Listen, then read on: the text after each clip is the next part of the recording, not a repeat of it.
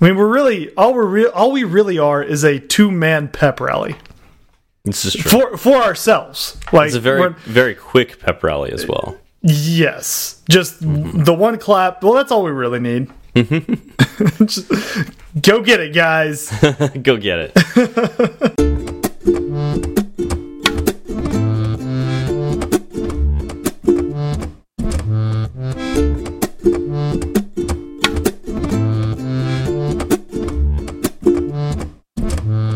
Hi, I'm Steve. and I'm Zach, and this is Fireside Swift. How's it going, Zach? It's going pretty good. Um, it was my first full week back at work after the break. Nice. Uh, so it was, you know, it was it was good getting back into the swing of things, kind of getting life back on track from uh, from a nice and much needed break. yeah. But yeah, it's time to kind of see what 2020 holds and, and move forward. Productive. How about? It was actually extremely productive. nice. Yeah, like from day one, right? Like Yeah. the first the first Monday back, um well obviously the first Monday back. Uh this I, I spent kind of half a day going through emails and kind of catching up on Mm-hmm. where everything was at from where I left it, right? Mm-hmm. Um making sure that I wasn't too far behind on anything in particular. Uh and then the second the second half of Monday on to today, it was basically constant constant work, which was good. Um, I like being busy. I really I really hate being at work and being idle. That bothers me. Yeah, I, I feel you on that. Yeah, I mean it was similar for me, uh, like getting back in the saddle. Although it's still a little weird. Um, I mean, obviously, because getting back in the saddle for me is not a, a saddle that I'm comfortable being in yet. Uh, Yeah. because uh, you know just being freelance and all that and just trying to figure things out um, my one of my contracts expired so it's really i just got lambda school as like my main thing right now and just like a couple of those small things on the side um, so i've got a lot of free-ish time right now it's not really free though because i'm uh, working on my own um, company idea and at some point in time i will uh, reveal what that is. But for now, uh, that's something I'm working on, super secret and very fun. um, yep. And so uh, when I get free time, I spend it working on that or. You know, what I've been doing lately has been focusing on wellness. So, just working out, trying to eat better. Uh, and part of that is like figuring out what to eat and uh, Midnight Cookie. street tacos. or midnight street tacos, uh, which Yep. are really terrible for you but delicious. Um, yeah, but like uh, trying to eat more uh, fresh fruits and vegetables, things like that, that I'm just not used to. I, I honestly got really lazy with my job, just going to a restaurant or you know like for lunch and for dinner and like I wouldn't eat breakfast because we had snacks in the office so I just grab a snack so it's like I really did not eat healthy at all and I so I'm just focusing on that I'm just I'm so when I've got some time I focus on that and uh trying to just be a little healthier try to be a little more mindful get a little more sleep um those kind of things yeah Nice. Well, good luck with all that. It sounds like you're on the right track.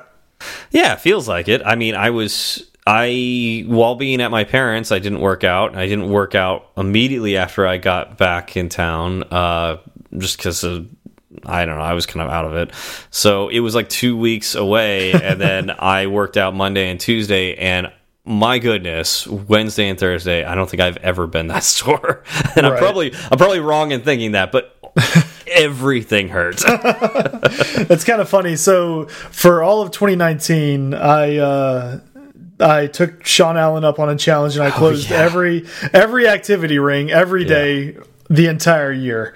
Yeah. And uh, January 1st hit, and I think between January 1st and today, I've closed all three of them once. Good for you. Oh, it feels it feels so good.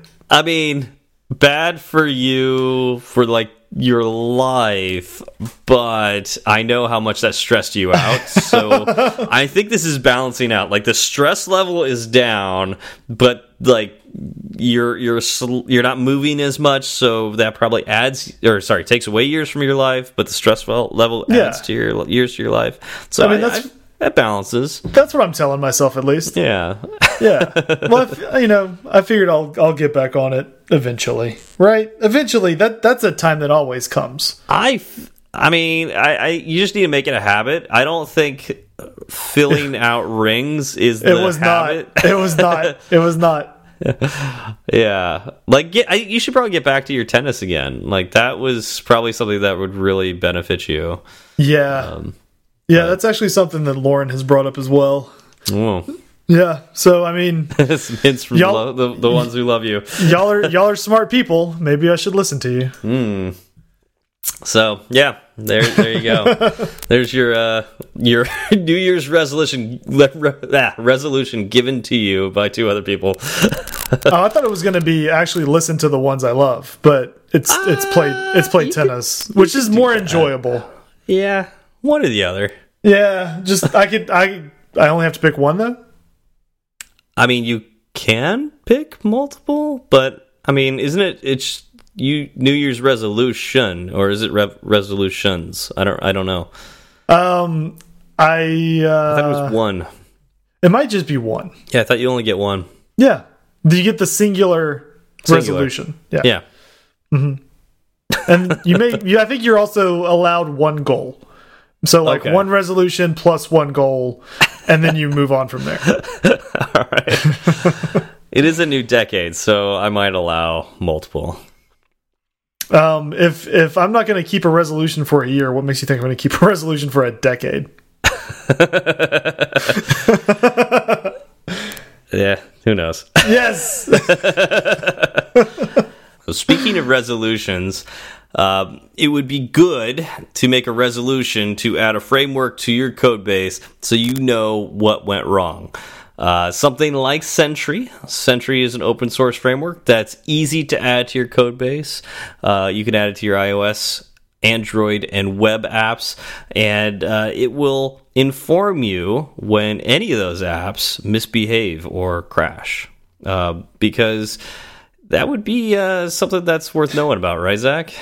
It is always worth knowing about because you know it, it's going to happen. Um, sometimes you have to get your stuff out the door. You want it in the app store, and this is something that's going to happen whether this is your first app or you've been, uh, you know, coding in Swift for 15 years, like all of the job descriptions want you to be doing.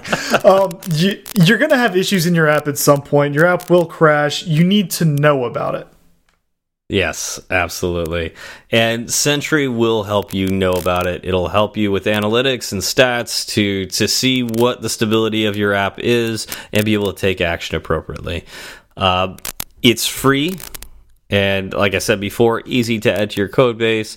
It does have a bunch of premium features as well. Premium does mean it costs money, but you can use our promo code Fireside Swift, all one word, Fireside Swift. You'll get $100 off new accounts. So there should be no excuse why you can't meet that resolution this year. We'd like to thank Sentry again for sponsoring Fireside Swift.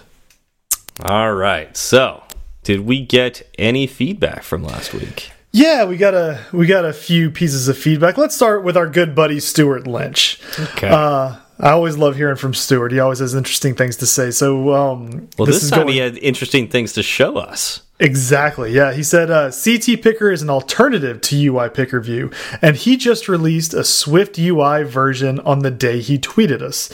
Uh, then he linked his GitHub uh, that that has that code in it, and that's something we can provide in the show show notes. So if someone is thinking about using a, a Picker View, but they want something different, and you know they want to see what Swift UI looks like, um, they can go out there and get it. He says it lets you turn a text field into a selection list of items that users can append to if you wish. There's a, a full tutorial on the repo as well, right? Yeah, yeah. So you can actually kind of walk through it yourself.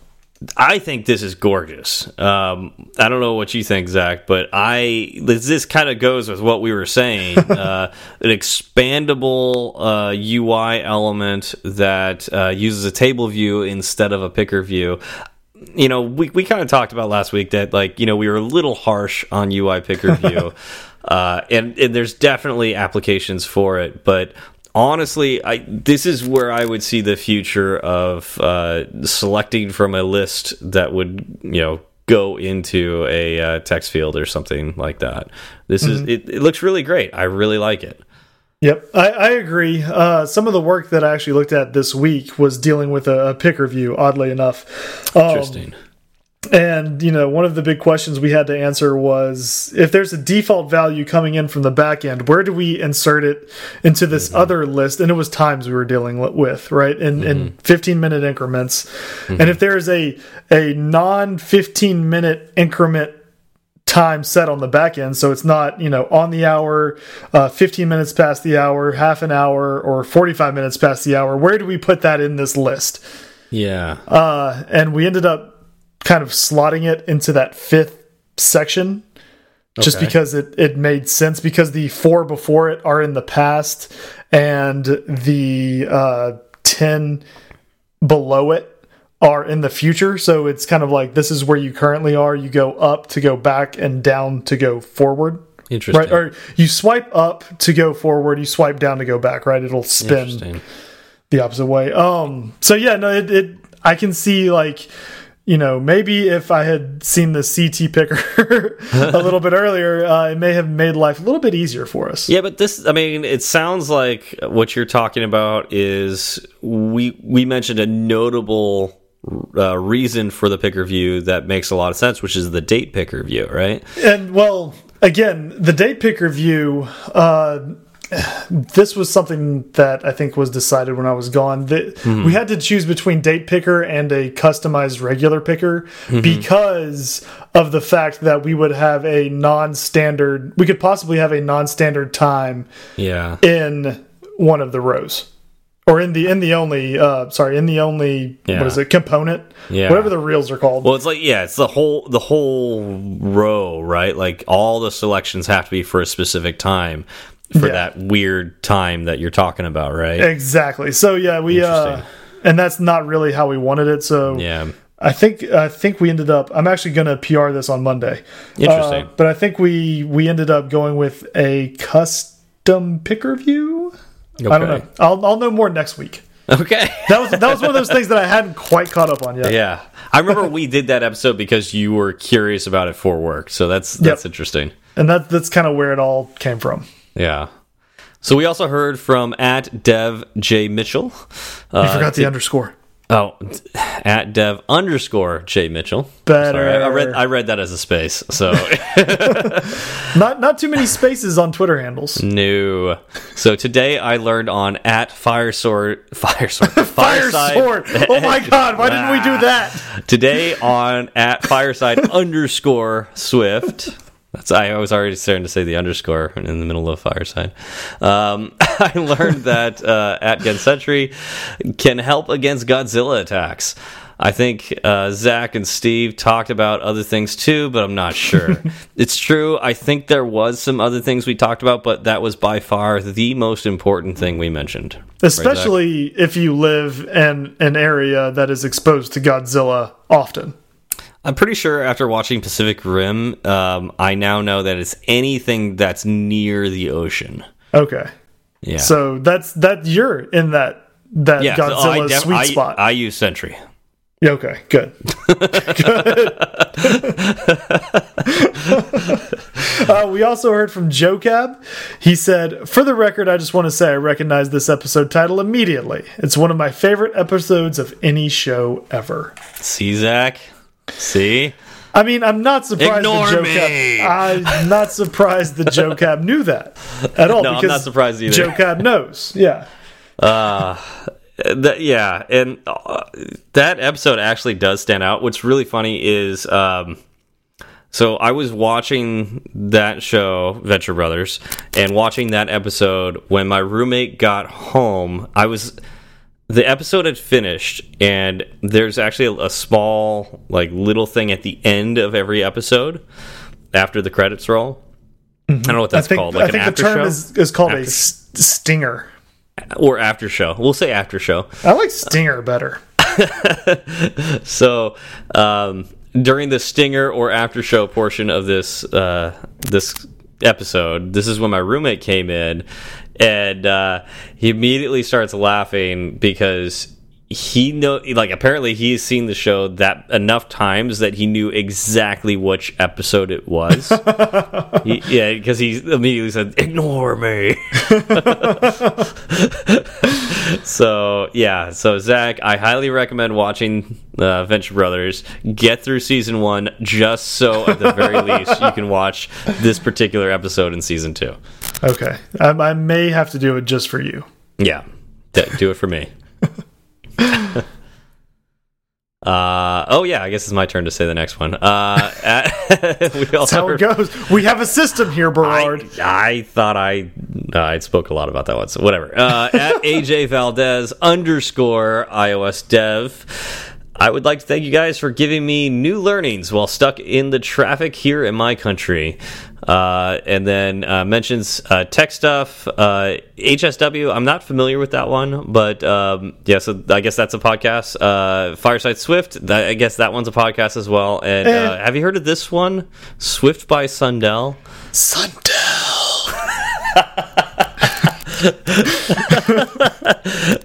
yeah. So uh, love you, Sundell.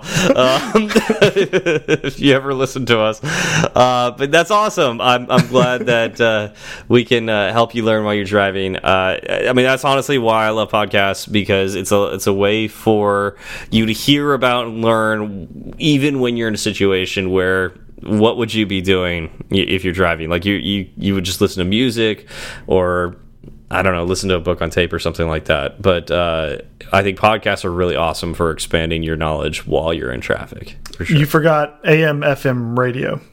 Ah, is that a thing still? it, I mean, it exists still. I'm sure it does. yeah, so I guess there's AM FM radio too. A lot of commercials now, though. I know. Who needs commercials? It's, Who needs them? It's 2020. Are we getting rid of those yet? Mm. Not us. uh, let's see. We also heard from Swifty Mo. He said, I'm using a picker view on my own app for the user to scroll through a bunch of forms with text views that store the text they last entered. Scrolling through the picker view to glance at the forms they filled is a good convenience to have. And and I can see how that could be useful as well. Yes, absolutely. So uh, you know, I, we mentioned like there are times when this can be good. Um, we definitely went, I think, too harsh on UI Picker View, but uh, it, it is difficult to display in your UI unless you're using it in the input view of a mm -hmm. text field. So, yep. But yeah, I mean, it's it's definitely better than nothing. But honestly, I'm really happy with uh, and excited for Stuart Lynch's idea. Um, like that's just you know things like that I think could really help uh, out. You know, just move on to a new UI paradigm. Mm. You know, something that could take up less space or expand to take up more. Yeah, and I mean the the picker view has been around for a really long time, right? Mm -hmm. Like, it, I think it's due for an update. Mm hmm I agree. Well, I think that's it for feedback. So, Zach. So, Steve. So, do you have any sort of? No, I can't think of that right there. Uh, uh, whoa, okay. Oh, I tried to think of yes. one for this. I could not think of one for this. Um, do is that is that my second win in 113 uh, episodes? I'm gonna I'm gonna give it to you to yes. some degree, yes. but only because I can't think of anything to go along with Q. I, I'm, I'm going to take it. I'm going to take whatever wins I can get. Have you heard of quality rabbit codes?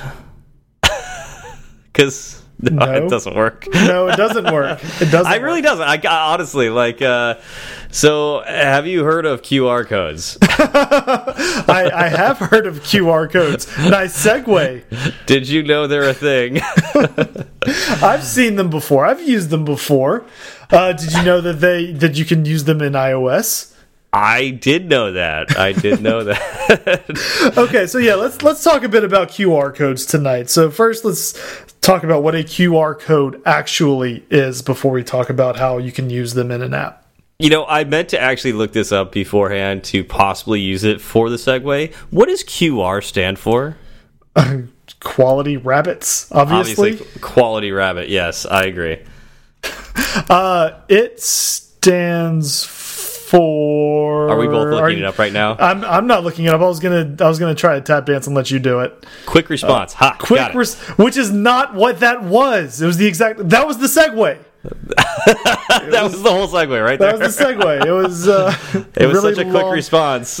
Yeah, we did it. Okay, so QR, code, quick, response quick codes. response, and it, so that that's interesting, right? Because interesting. It's a two dimensional barcode, right? So your traditional barcode really works along just kind of the x axis. yes. Um, a QR code is a an, an x and a y axis, right? So you end up with a a square uh, as opposed to the traditional kind of like rectangle uh, with the lines. Yeah, what's interesting about that is you could store a lot more data in a QR code than you can in a barcode. Right. Like a, a lot more data. A lot more data, yeah, um, yeah. It's, it's it's it's pretty impressive what you can put in a QR code. Uh, I do. One of my coworkers in making a joke QR code took the entire Gettysburg Address and put it in a QR code.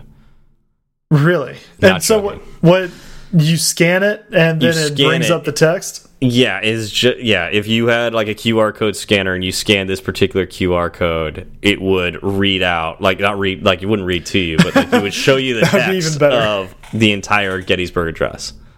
Well, right. That, but I mean, that's not like a ton of text, but it. it Well, it's a couple is. paragraphs, Yeah. right? Like Yeah. it's it's it's not like um, with a barcode where you get just a few numbers, right? You get like uh, Exactly. yeah. So it's impressive what you can put in a QR code. it's on it's top of impressive that- what you can do with a QR code. Also, yes. Also, uh, QR codes come with, uh, and I, actually, I didn't. I don't know if you got to this with uh, your notes. I don't think you did.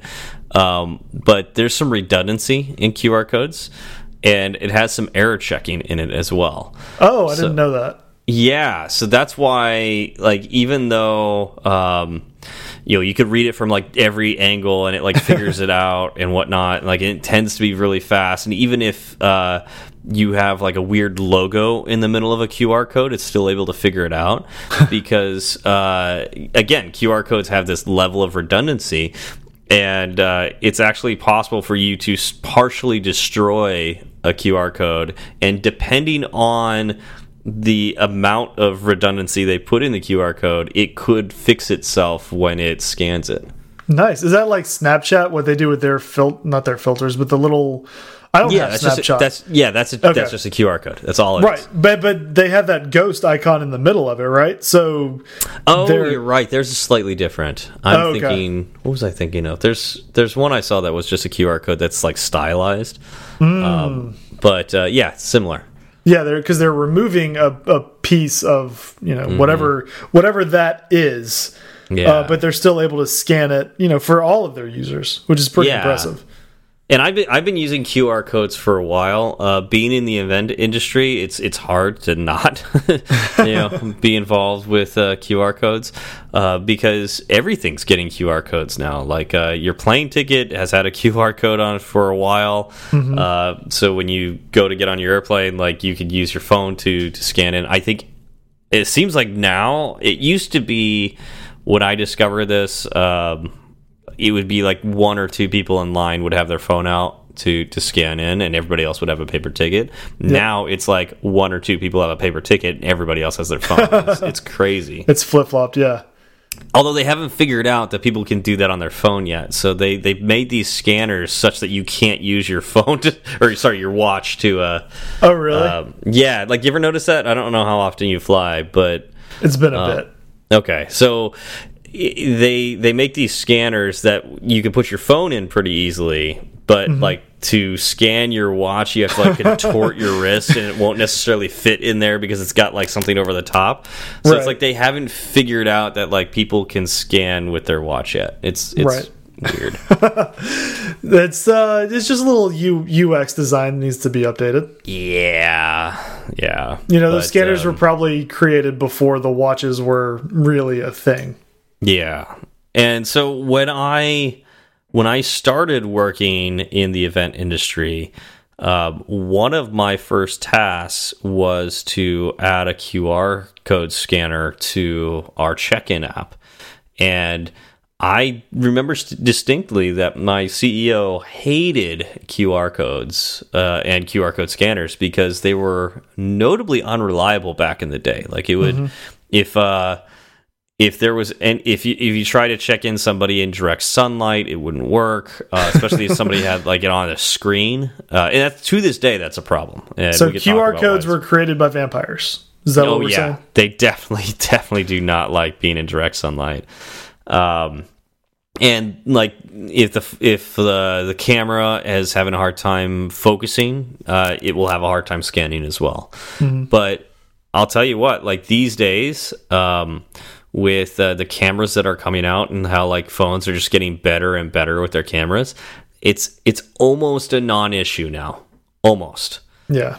But then I, when i'm checking in people at a you know like trying to check in a thousand people at, at an event and some somebody puts a screen protector on their phone and then they keep their their brightness all the way down because they're trying to conserve battery life and they want me to scan them in and it's in direct sunlight that's just not going to work yeah, yeah. so what, what do you do in that situation? You just make them turn the screen up, or you make them turn the screen up, you and then you use your hand. You use your hand to like put a shadow over it, and even then, I've seen that not work. yeah, you do your uh, be the best you can. Right. That's hilarious. But our our check-in app was also built that like if if you knew your name, you could tell me your name, I could type it in. But the QR code was much faster. Well, it's good to have a fallback, right? In yeah. case that, that's just good software development. yeah, good UX. Yeah. So okay. with with a QR code, like there's a there's a lot of information you can pack into it. Mm -hmm. And there's a lot of different types of information you can pack into it. And then what you put in a QR code will determine, like, say you are scanning it with an iPhone, mm -hmm. uh, it will determine the behavior that the iPhone takes mm -hmm. based on what is inside the QR code, which I think is really cool. And you're talking about um, if you like if you open up the camera and scan mm -hmm. a. QR code. Exactly. And that's fairly recent, right? That's uh iOS 10? iOS 11. 11. Okay. 11. In fact, we're going to have um, a link in the show notes. It's like a it's a 10 minute video. Um, they're talking all about QR codes in iOS 11. Excellent. Okay, so what different kinds of things could be in a QR code if I scan it with my with the camera app? What mm -hmm. will happen? So what uh, are the uh, different things? So you can have a URL embedded okay. in there, and if you do that, it'll open the URL in Safari, or it could even open an app. Uh, okay. which I think is amazing, honestly. Uh, that you are scanning this thing with your phone and it can launch an app and, and possibly deep link you to a certain place in that app. Yeah. Um, and and like you know, you're talking about events, right? Like think mm -hmm. about the the potential you can have at events with QR codes, mm -hmm. uh, navigating people as they navigate through the real world.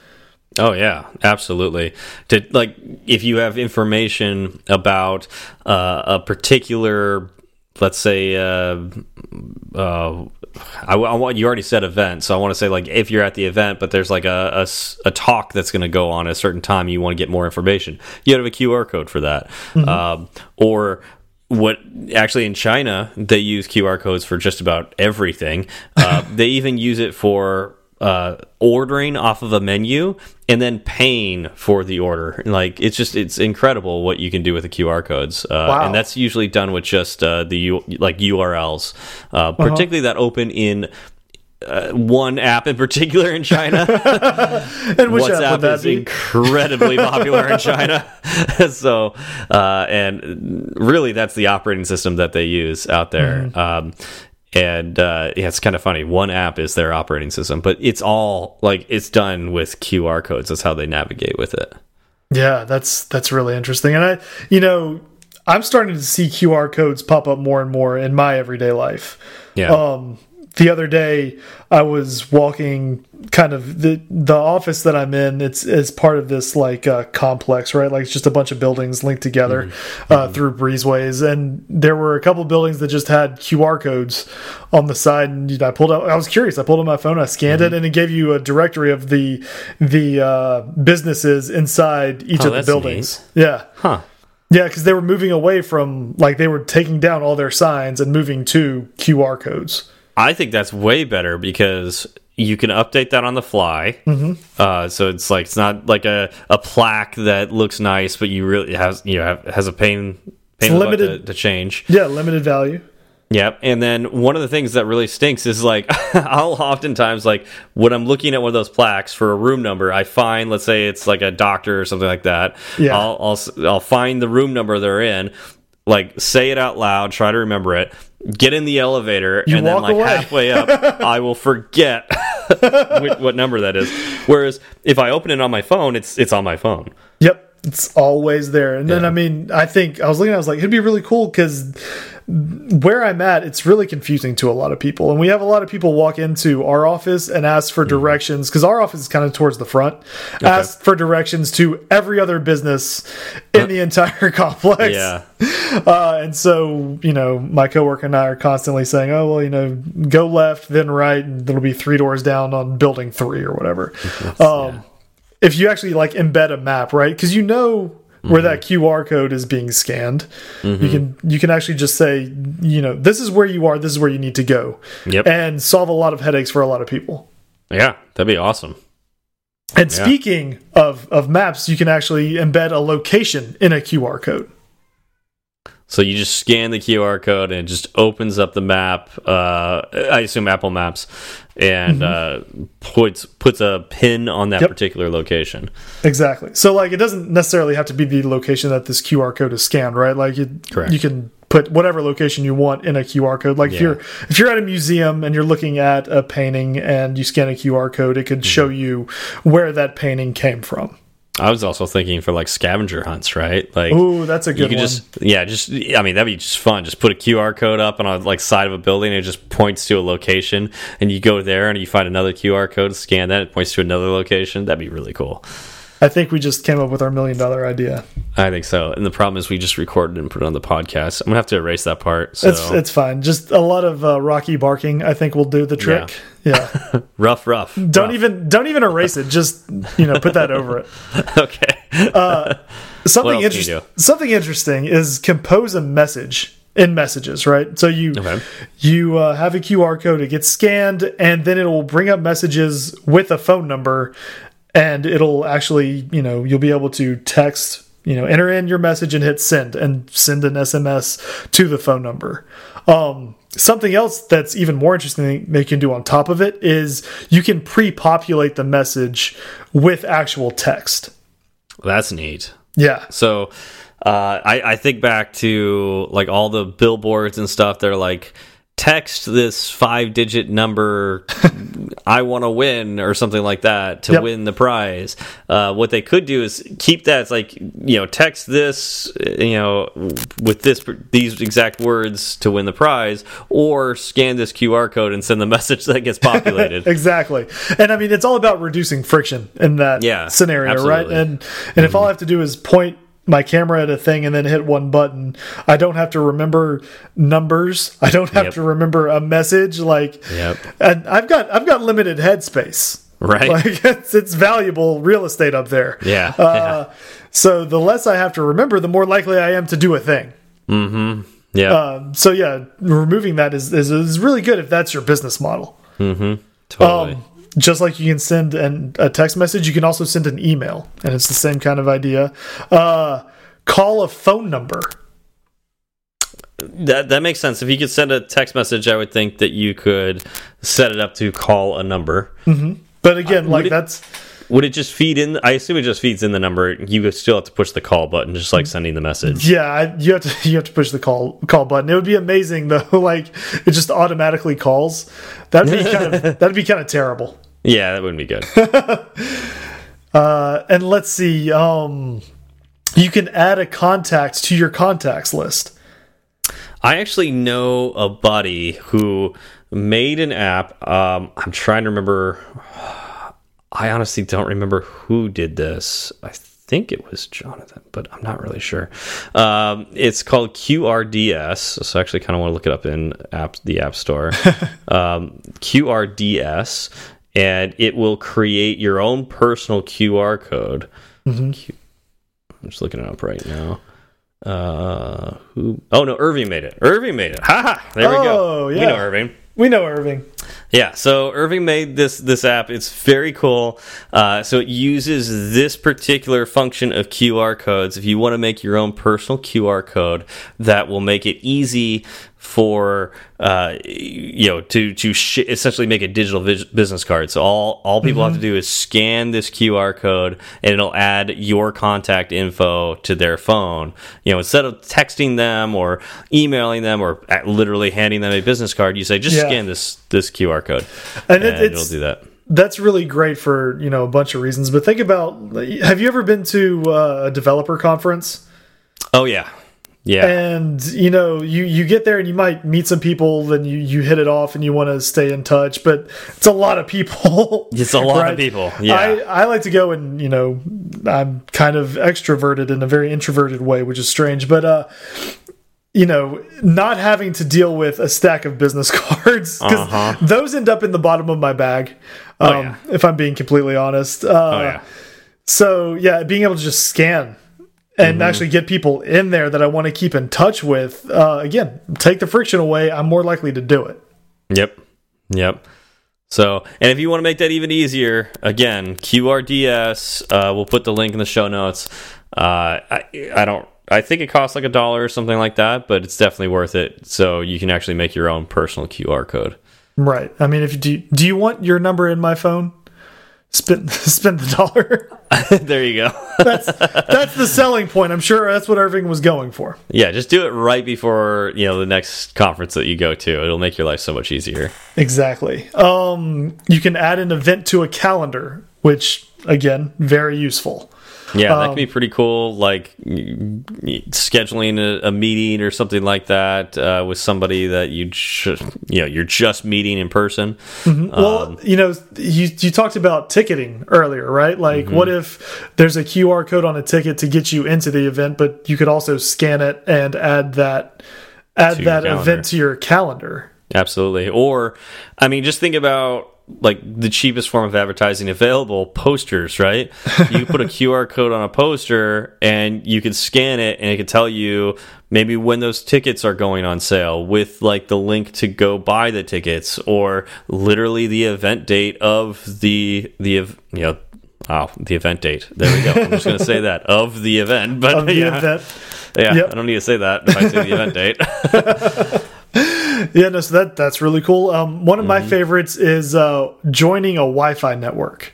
Mm, that's huge. no more. What's the Wi-Fi name and password? Just scan the barcode and get get in. I have to say, I am so embarrassed that I knew about this and forgot for almost every event I've worked at.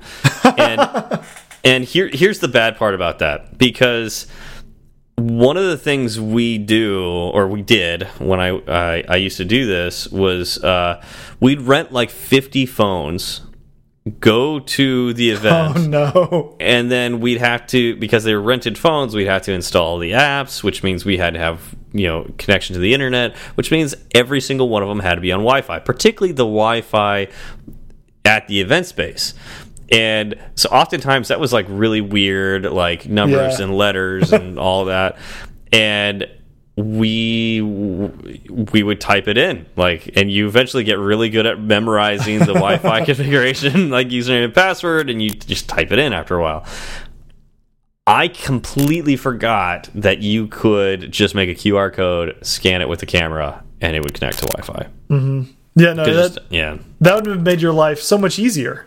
Yep. How much how much more quickly do you think you could get everything set up with your uh, with a Wi-Fi QR code? Well, unfortunately, that wouldn't get you to installing the apps, right? But it's it is saving you time yeah. before. Oh yeah, that. yeah. It definitely would have made things a lot faster. And uh, if I thought ahead, too, another thing I could do is make a uh, a QR code scanner that would help you log in to Yeah. you know if you happen to have a particular code in there or something like that. Yep. Yep. So So those are the cool things you can do with a QR code. Um, let's let's talk about universal links for a little bit because Okay. this is how you know the the iOS device will actually know to launch your app instead of a website if your user has your app installed, of course. yeah, then yeah, gotta have that. yeah, uh, but without the app installed, you know you could for you could get the user to go to your website and then maybe provide a banner that says you know download our app, which is kind of ubiquitous now. And I think you could even redirect them to the app store. Yeah, one of the we actually did that um, with uh, you know back my old company.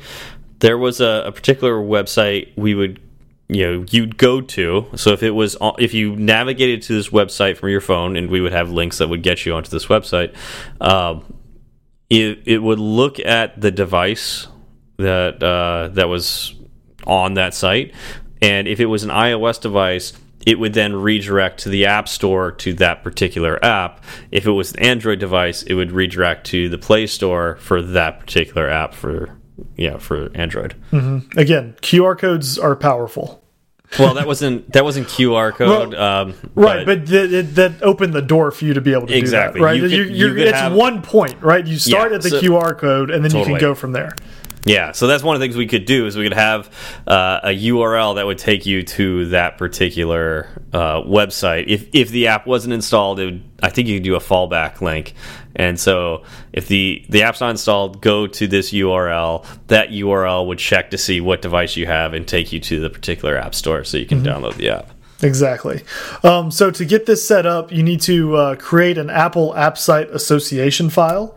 Uh, and you put this in the root of your server. This is um, what gets hit by you know Apple's services to know what what to do, how to handle this URL. Um, you're going to specify your app ID as well as the paths on your website that should be treated as universal links. Uh, and this is a bunch of JSON.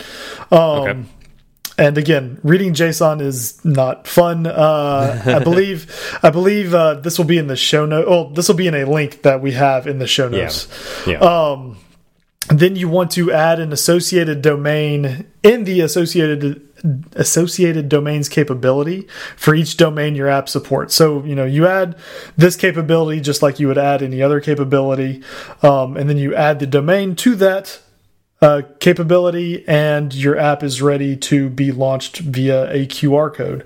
Um, something that I think is really cool is that you can have the same QR code open multiple apps on a device. So the user the user actually gets to choose. So say I have uh, I've got two apps and they're both linked to this one QR code. The user scans it and then they get an alert and it says basically, you know, choose an app to open this URL and it'll be, you know, app A, app B and then cancel.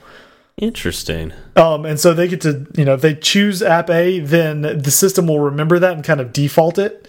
Uh, and every time they scan that specific QR code, app A will be opened. They can also go in and change that if they change their Like mind later. Uh, yes, I believe so. Okay. Uh, it can be well. It can be used. It can be changed by using uh, 3D Touch on 3D Touch enabled phones. I think it's probably haptic touch enabled now. I would think Um, but also on the notification itself, you can swipe down and change it there. Nice. Yeah, Very cool. yeah. So that's that's pretty neat. Um, do you have anything else you want to add to that? Uh, no, actually, I've never really done any deep linking with QR codes. Um, I did something similar, but it really, I just, it will. We're going to cover it next when we talk about scanning for QR codes. But I would just basically read the QR code as a string and then parse it out to see if it was in the format that we were expecting, and then you know use that information in the app. So, how do you actually implement scanning for QR codes in your own app?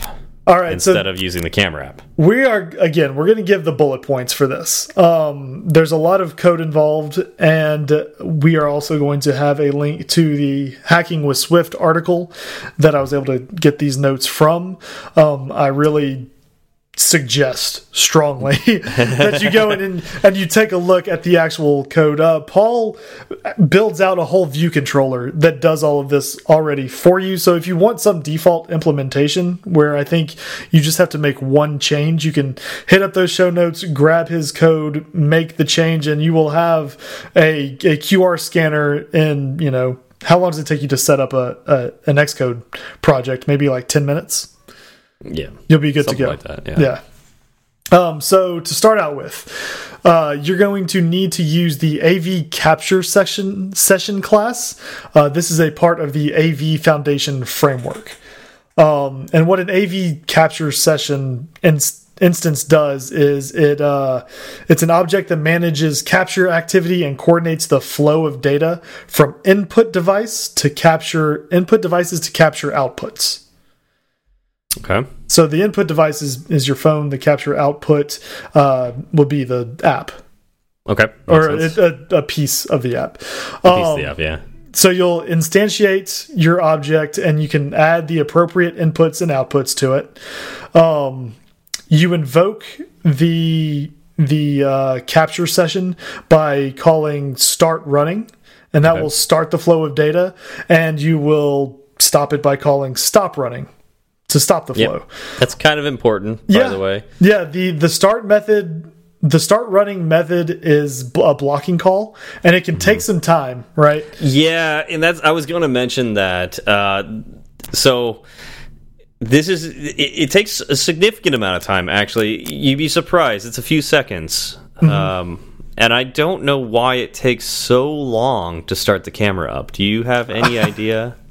No, I don't. I mean, it, No, okay. maybe uh, maybe one of the iOS engineers at, at Apple may know like kind of what's going on There's probably the some. It's probably some power saving thing. I know if you leave the camera on, it will suck battery life, and it, it's it's uh it's not a great thing uh, because uh, it's not a good thing if y every time you want to scan uh, an event uh, invitation that it takes a few seconds because that kind of defeats the whole point of using the QR code scanner. So what we did is we would leave the camera on until you closed the dialogue and we would just ignore the inputs that would come in so that way you never called stop running until you closed the view controller. nice. Uh, but that allowed us to go much faster in scanning because the camera it would take a little while to open the camera but then it would stay open after that right.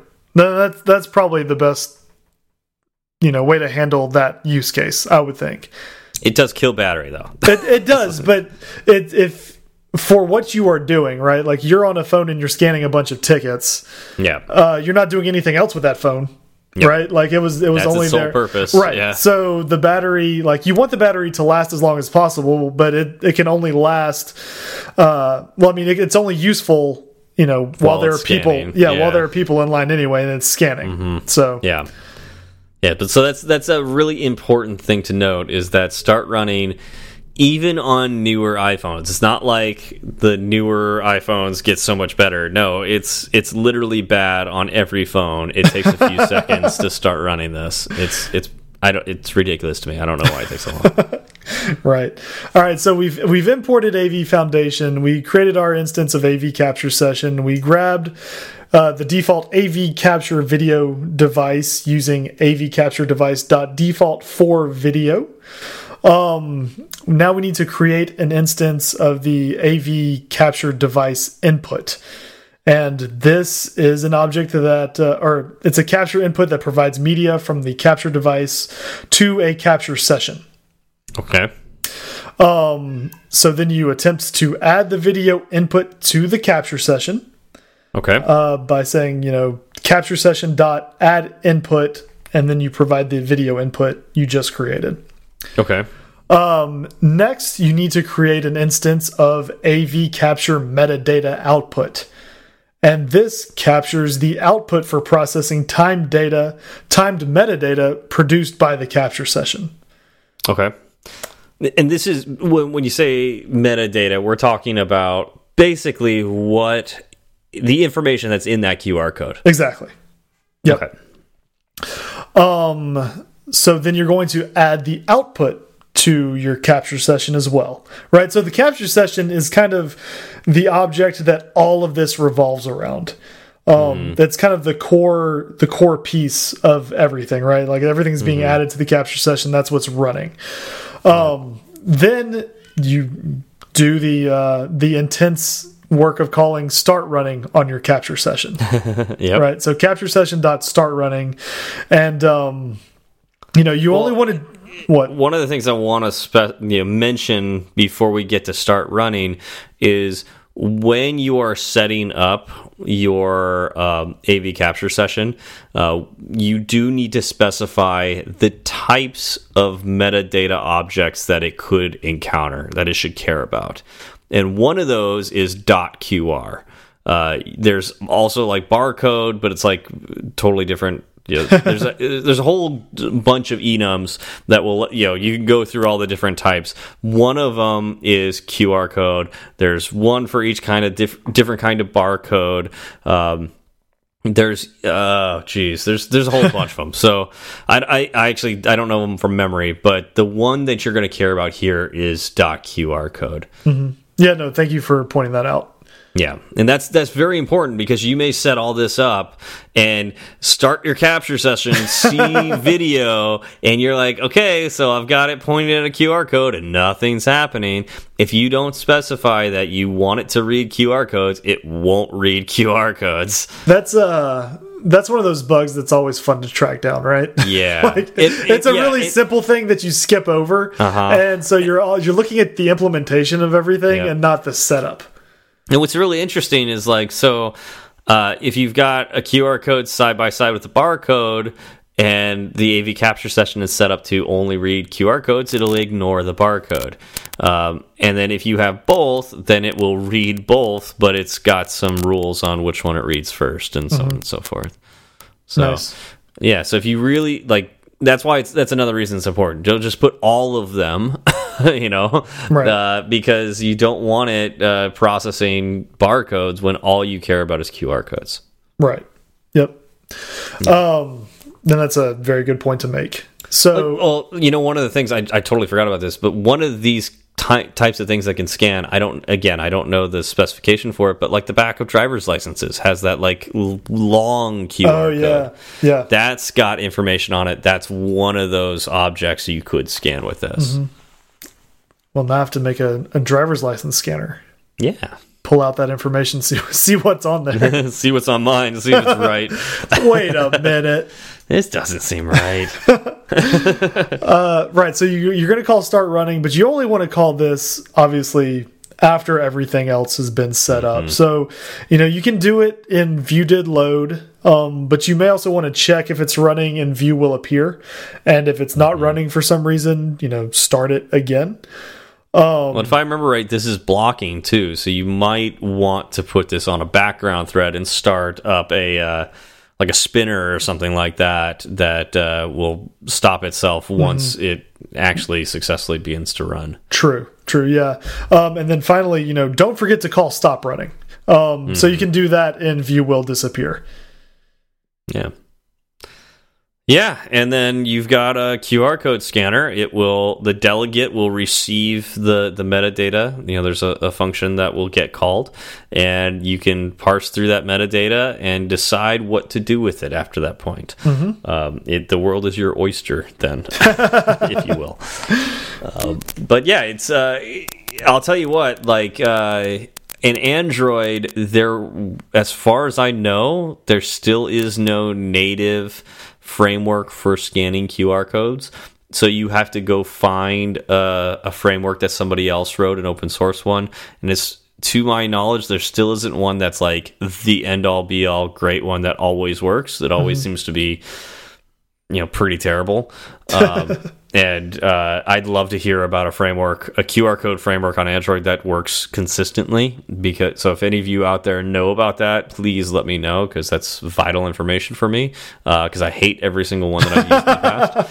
Uh, but on iOS, that used to be the case, but when they added it to AV Foundation, it was like, oh, well, why would I ever use anything else? And it works so well. It, I would, I was jokingly messing with this when I first added it to our app I was like standing like 20 feet back and having one of my coworkers put a QR code on their, their monitor and like slowly walk forward. I, I swear it was reading QR codes like 15 feet away. Wow. Like it was incredible. uh, yeah. So cameras have gotten better. Uh, the processing has gotten better.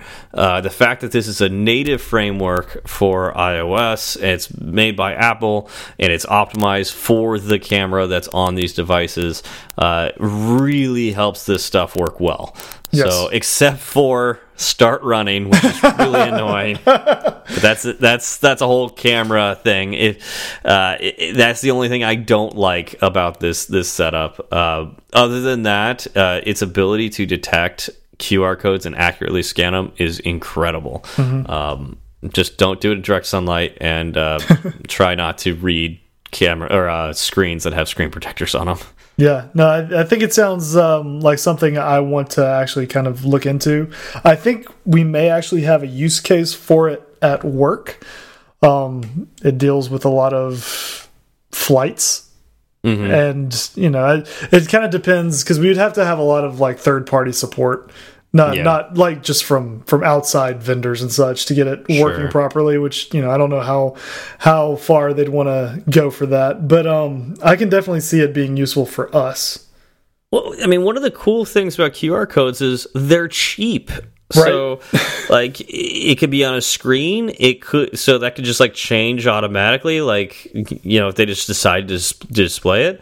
Um, it also uh, could be printed out on stickers or on actual tickets or anything like that. Like, I mean, QR codes are insanely cheap. Uh, compare this to another technology that I'm fairly passionate about, NFC. And NFC is, uh, in comparison, extremely expensive. right. Uh, we we would do uh, deals with events that would have like let's say you know anticipate at most, let's say 30,000 people. Well, if 30,000 people are going to show up, you've got to buy 30,000 wristbands. Well, with each wristband costing about a dollar or more than a dollar, that's $30,000 on just wristbands. Mm -hmm. That's crazy. Uh, yeah, Whereas yeah. if it's a QR code, we can just email it to you. Done. Like it's not it's like it costs nothing. So that's true. Uh, I mean, but there is something to be said about having a keepsake. Oh, totally. And that's why that that's why companies will buy the wristbands because you know it it, uh, it is something that people can take home, uh, but uh, or remember them by you know adds that little extra recognition. Mm -hmm. But um, I mean that's some, that, some sometimes you can't afford that though. And but so, that dollar probably gets rolled into the overall ticket cost. It can, unless it's a free event. You know, if it's a marketing uh, it's a event, event yes. You know, but again, if it's a marketing event, then you want your name out there. You would want more wristbands. It, yes, but you know your marketing budget might not be there, and so you know everybody gets into the event. There's no food, no no yep. anything. It's like well, they, you, you, can't enjoy your, your enjoy I mean, you your can, wristband. But, yeah, yeah, but no, it, yeah, it, it's it's it's interesting, and so I would not be surprised to see more QR codes. I, have actually, you know, it's funny, Zach. I've actually seen QR codes on wristbands. well, that seems like. Uh, Mm, QR codes on wristbands. So they they do they have an NFC chip in them as well?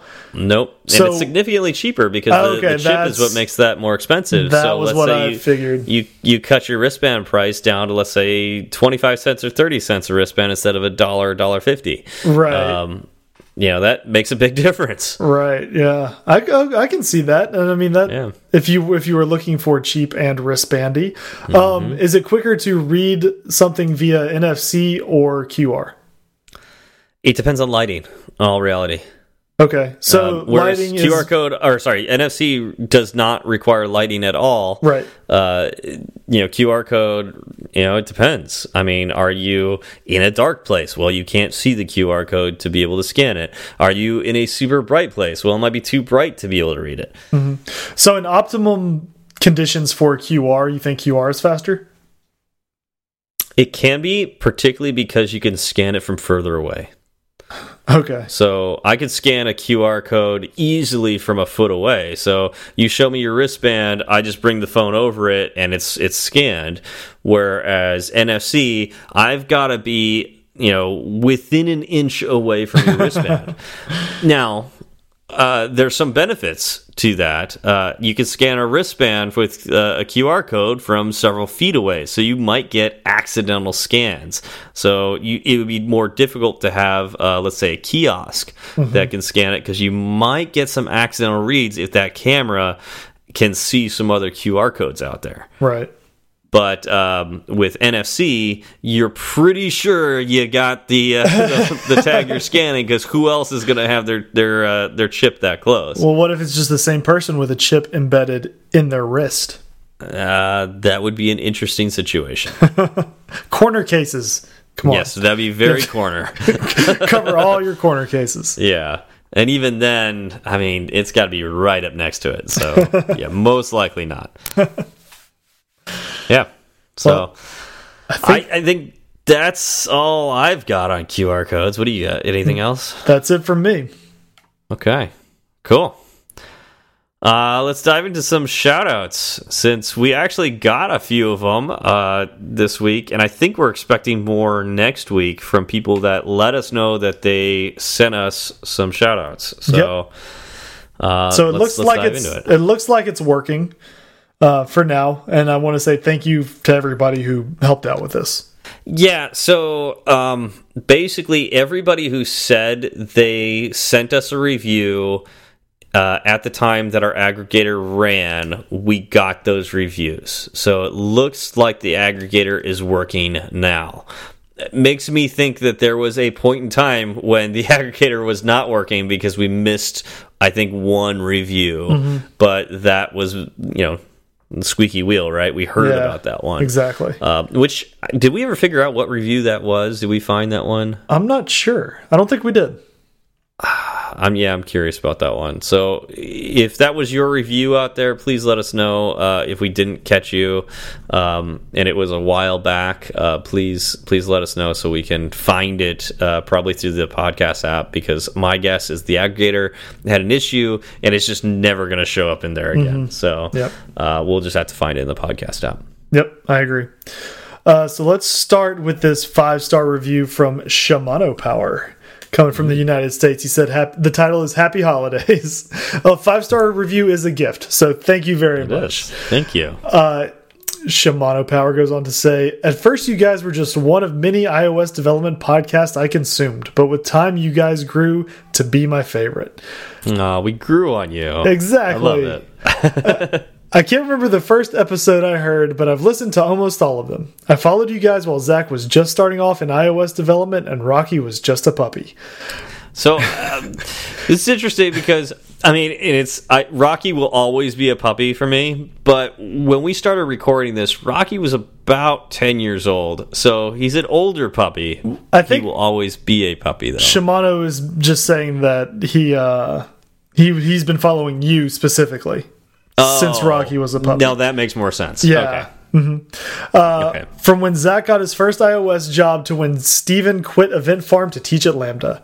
From ints to UI picker, from motivation to burnout. From when I first heard Zach pronounce Jenkins correctly, uh, to What? when Steven taught us. What that- did you say? Yeah, to when Steven taught us that NW Path Monitor was for monitoring people headed in a northwest direction.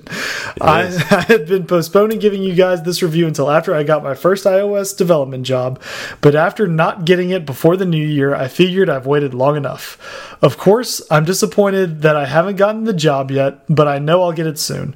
In 2019, I worked a lot of terrible jobs, but you guys helped me get through them by filling me full of thoughts and ideas about both iOS development and life in general.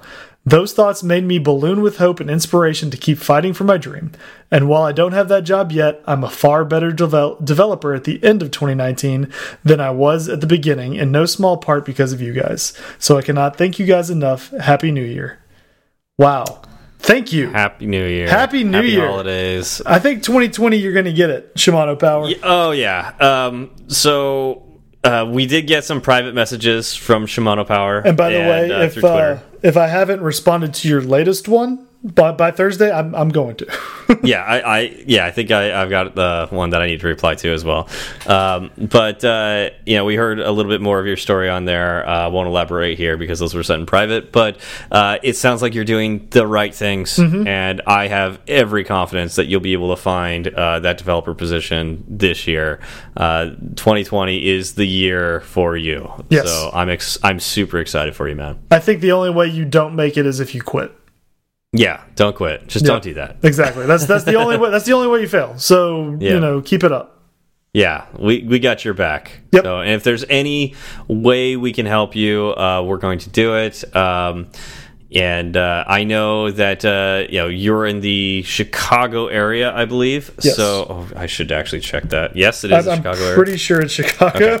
I, it's like I'm saying that from memory, and I, I should probably check my messages. But uh, but uh, yeah, so if anybody is in the Chicago area and uh, knows uh, um, you know is willing to give somebody their their first job, their first iOS job, uh, I would recommend this guy. From uh, what I've heard of what he's been working on and, and the way that he's uh, been able to do it, uh, this would be the kind of guy you want on your team. A hard worker who will not stop no matter what's going on. exactly. yeah. I mean, it's recommend. you can teach Swift. You can't teach work ethic.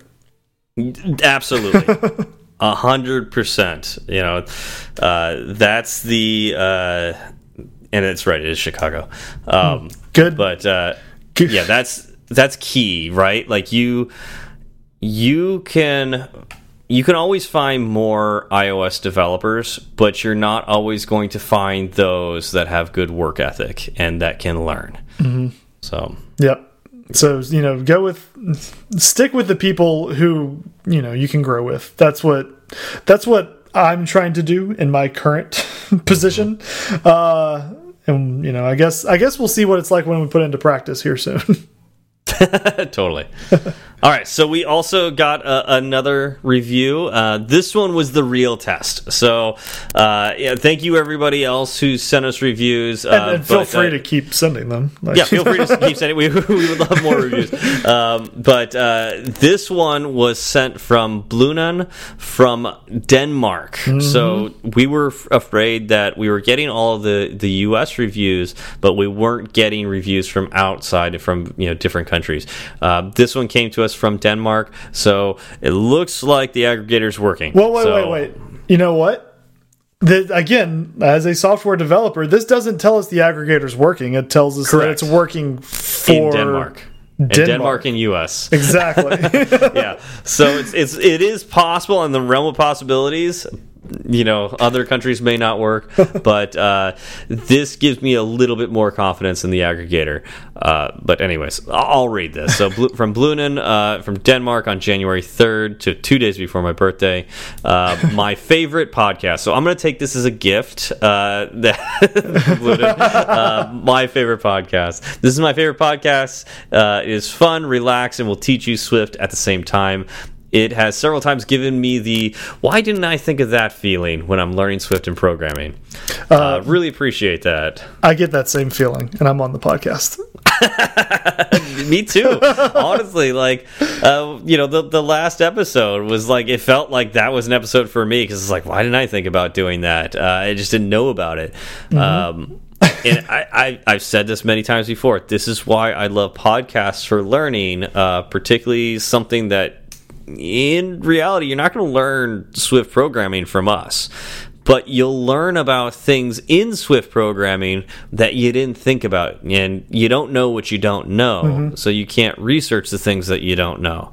Um, and uh, po- programming podcasts, even though it's not the right medium for learning how to program, will give you ideas of what to learn when you get home in front of a computer. Exactly. Um, and I, I love that. That's that's what we inspire in you. And then hopefully we're not just one dimensional where we're we're just strictly learning Swift. Hopefully we're a little bit more than that. Yeah, yeah, uh, learning all sorts of things like board games. Exactly. You know, there's. Uh, I've been wanting to ask you about the fourth edition of Twilight Imperium, but we can save that for another time. you have been wanting to ask me, or I mean, uh, you regret asking me about it? I, I, I want to see how long you can talk about it. Oh, I could talk about it for hours. um, last week we talked about that. Um, we we were waiting for a review from Swift Cretan Cretin. Um, I think we decided that it was a creature, so Cretan. but uh, turns out we actually already read their review, uh, but it was under a different name. So I'm curious what happened there um, within like uh, Apple IDs or something like that. Uh, it was under the name CBGB, or maybe this person posted two reviews, uh, one under CBGB and one under Swift Cretan, and we got them both because we did. Uh, so, and I, but I think I looked at the the podcast app and it's only there once. So maybe it's an imposter. No what's going on. Maybe it is. Oh, or maybe conspiracies. Or maybe we actually missed a review. Maybe the aggregator took somebody else's review and put one of these names on. I have no idea. I mean, that, that's possible too. Yeah. So uh, if again uh, for Swift Cretan, if you are not CBGB and CBGB, if you are not Swift Cretan, please let us know because that's weird. I'd love to figure that out. Uh, we would need uh, more reviews from more people, I guess. But then again, uh, Swifty McSwiftface, his Skype username is somebody else. It is. It is someone else's name. Yeah. yeah. So yes, I guess in the realm of possibilities, like I, don't, I, don't, even want to know. It's so weird. Yeah, we um, can uh, we can move forward from this. yeah, yes, we can. Uh, but thank you so much for everybody who helped us test uh, the the aggregator and left us reviews mm -hmm. in general. So yep, it means we're not just throwing money away. Yes, yes, it does. um, as we said last week, uh, let's talk a bit about Sean Allen's course. Mm -hmm. um, so uh, what was special about his course again? He's he's doing uh, interview. it was interview the project. The right? take home project. Thank you. He has a course about you know how to approach it, um, and what he thinks you need to do to succeed. And you know, Sean's the kind of guy. He's got a lot of experience with it. Um, so I think he's probably well positioned to give his thoughts. Obviously, you know, not everyone you know who's hiring will think along the same lines as he does, but he probably gives really solid guidelines. He also put up a couple of videos on YouTube, I think, from the course itself. So if you want to check out his YouTube channel, uh, then you know you can get a, a kind of a taste for what he's delivering. And this is really Sean Allen's specialty. Like it is. He's, it is. He's been helping people get jobs in the iOS community and uh, he's very good about explaining what to do and why to do it. So I highly recommend this. Uh, Zach, of course, you highly recommend this, mm -hmm. uh, and we'll put a link to Sean Allen's course in the show notes. Yep. All right. I think we have talked enough this week. I feel like this is a long episode. I'm very sorry for everybody. Uh, but uh, yeah, thank you all for coming out. Uh, thank you, Sentry, for sponsoring us, and we'll see you all next week. Y'all have a good one. It's such a good feeling to be at the end. A happy feeling that there may have been a mistake or two. So we'd like to hear from you. Twitter's great, Breaker might beat it. Email's fine, but we rarely read it. But we love five star reviews, and we promise to mention you. So get a pen and write this down. Just kidding, who's got pens around? Still, they'd love to hear from you. Steve Berard and Zach Falgout. Tweet at Zach and have some fun. At TFALG, or you do one. At TFALG, you do one. He'll write back when his work is done. Tweet at Steve and you will see clever use of the emoji at SWB. R A R D. Fireside Swift has its own handle, so you can burn three sides of the candle at Fireside underscore Swift.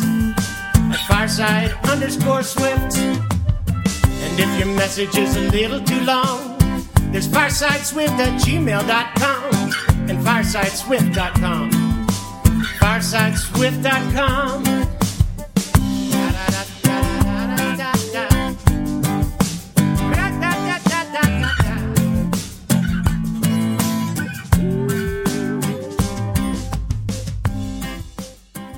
I guess it was la it was last Friday, right? Well, it was last Friday when you had the dinner.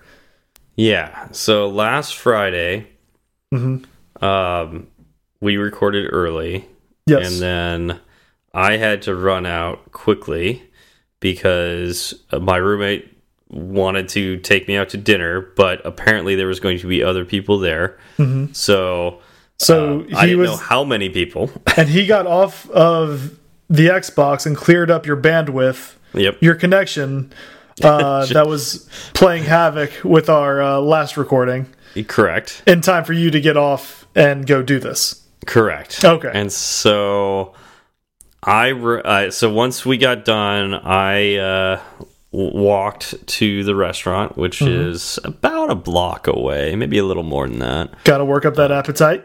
Yep. Yeah. And uh, it's a place I really like. It's a place called Clutch. Um, it's uh, it's like a barbecue place. Mhm. Um, s- they like to smoke a lot of you know. Yeah, you know, smoked meats and Well, stuff like that. They got okay. smoker. You were in California, so I don't know how that sentence was going to end. Yeah, So- no, there's there's like an actual like Texas barbecue place like, like across the street, but Mm-hmm. um I'm trying to think like they're good, but they're not like as good as like if you went to Texas and got like Texas barbecue. I mean, yes. So, I can I can pretty much say yes. It But would, like Clutch takes it kind of a little different. It's more of like a Tex-Mex, but with like with a focus on like smoked meats and just you know like that kind of scale your style, and Yeah. it's like a little more upscale. And um, so it's the Wait, hold on. I just want to make sure I'm understanding this before you before you go on. It is upscale Tex-Mex barbecue. because of California. It- Well, I more mean- because more because of Venice, actually. It's just because this is like this is Venice, one of the most expensive parts of California, and so of course, if you're gonna have Tex-Mex, that would not survive in Venice. Right. Uh, it has to be different in some way, and so the way they make it a little different is they charge more. Um, That's such a great way to make something different. yeah it is it is pretty expensive but it's really good too Why go eat the same taco you can get anywhere else for two bucks when I can come over here and Yeah. eat it for four? Speaking of which, the street taco game is really getting elevated right now. I don't Hmm. know what it is, but uh, there used to be only two street taco joints that uh, you know that seem illegal, but uh, Yeah. still would show up every night uh, near me. Now I notice like two or three more popping up. So the word The has competition gotten is fierce. Yeah, it's it's right across. It's uh, in front of the Whole Foods and then in front of the pet shop. Uh, they are just setting up shop, and uh, man, the the competition is fierce and it is delicious. Uh, and then you're you're talking like two buck tacos. Yeah, Yeah, and you're well. You I got a burrito go. for I got a burrito for six fifty. The thing was like the size of my arm. amazing, amazing.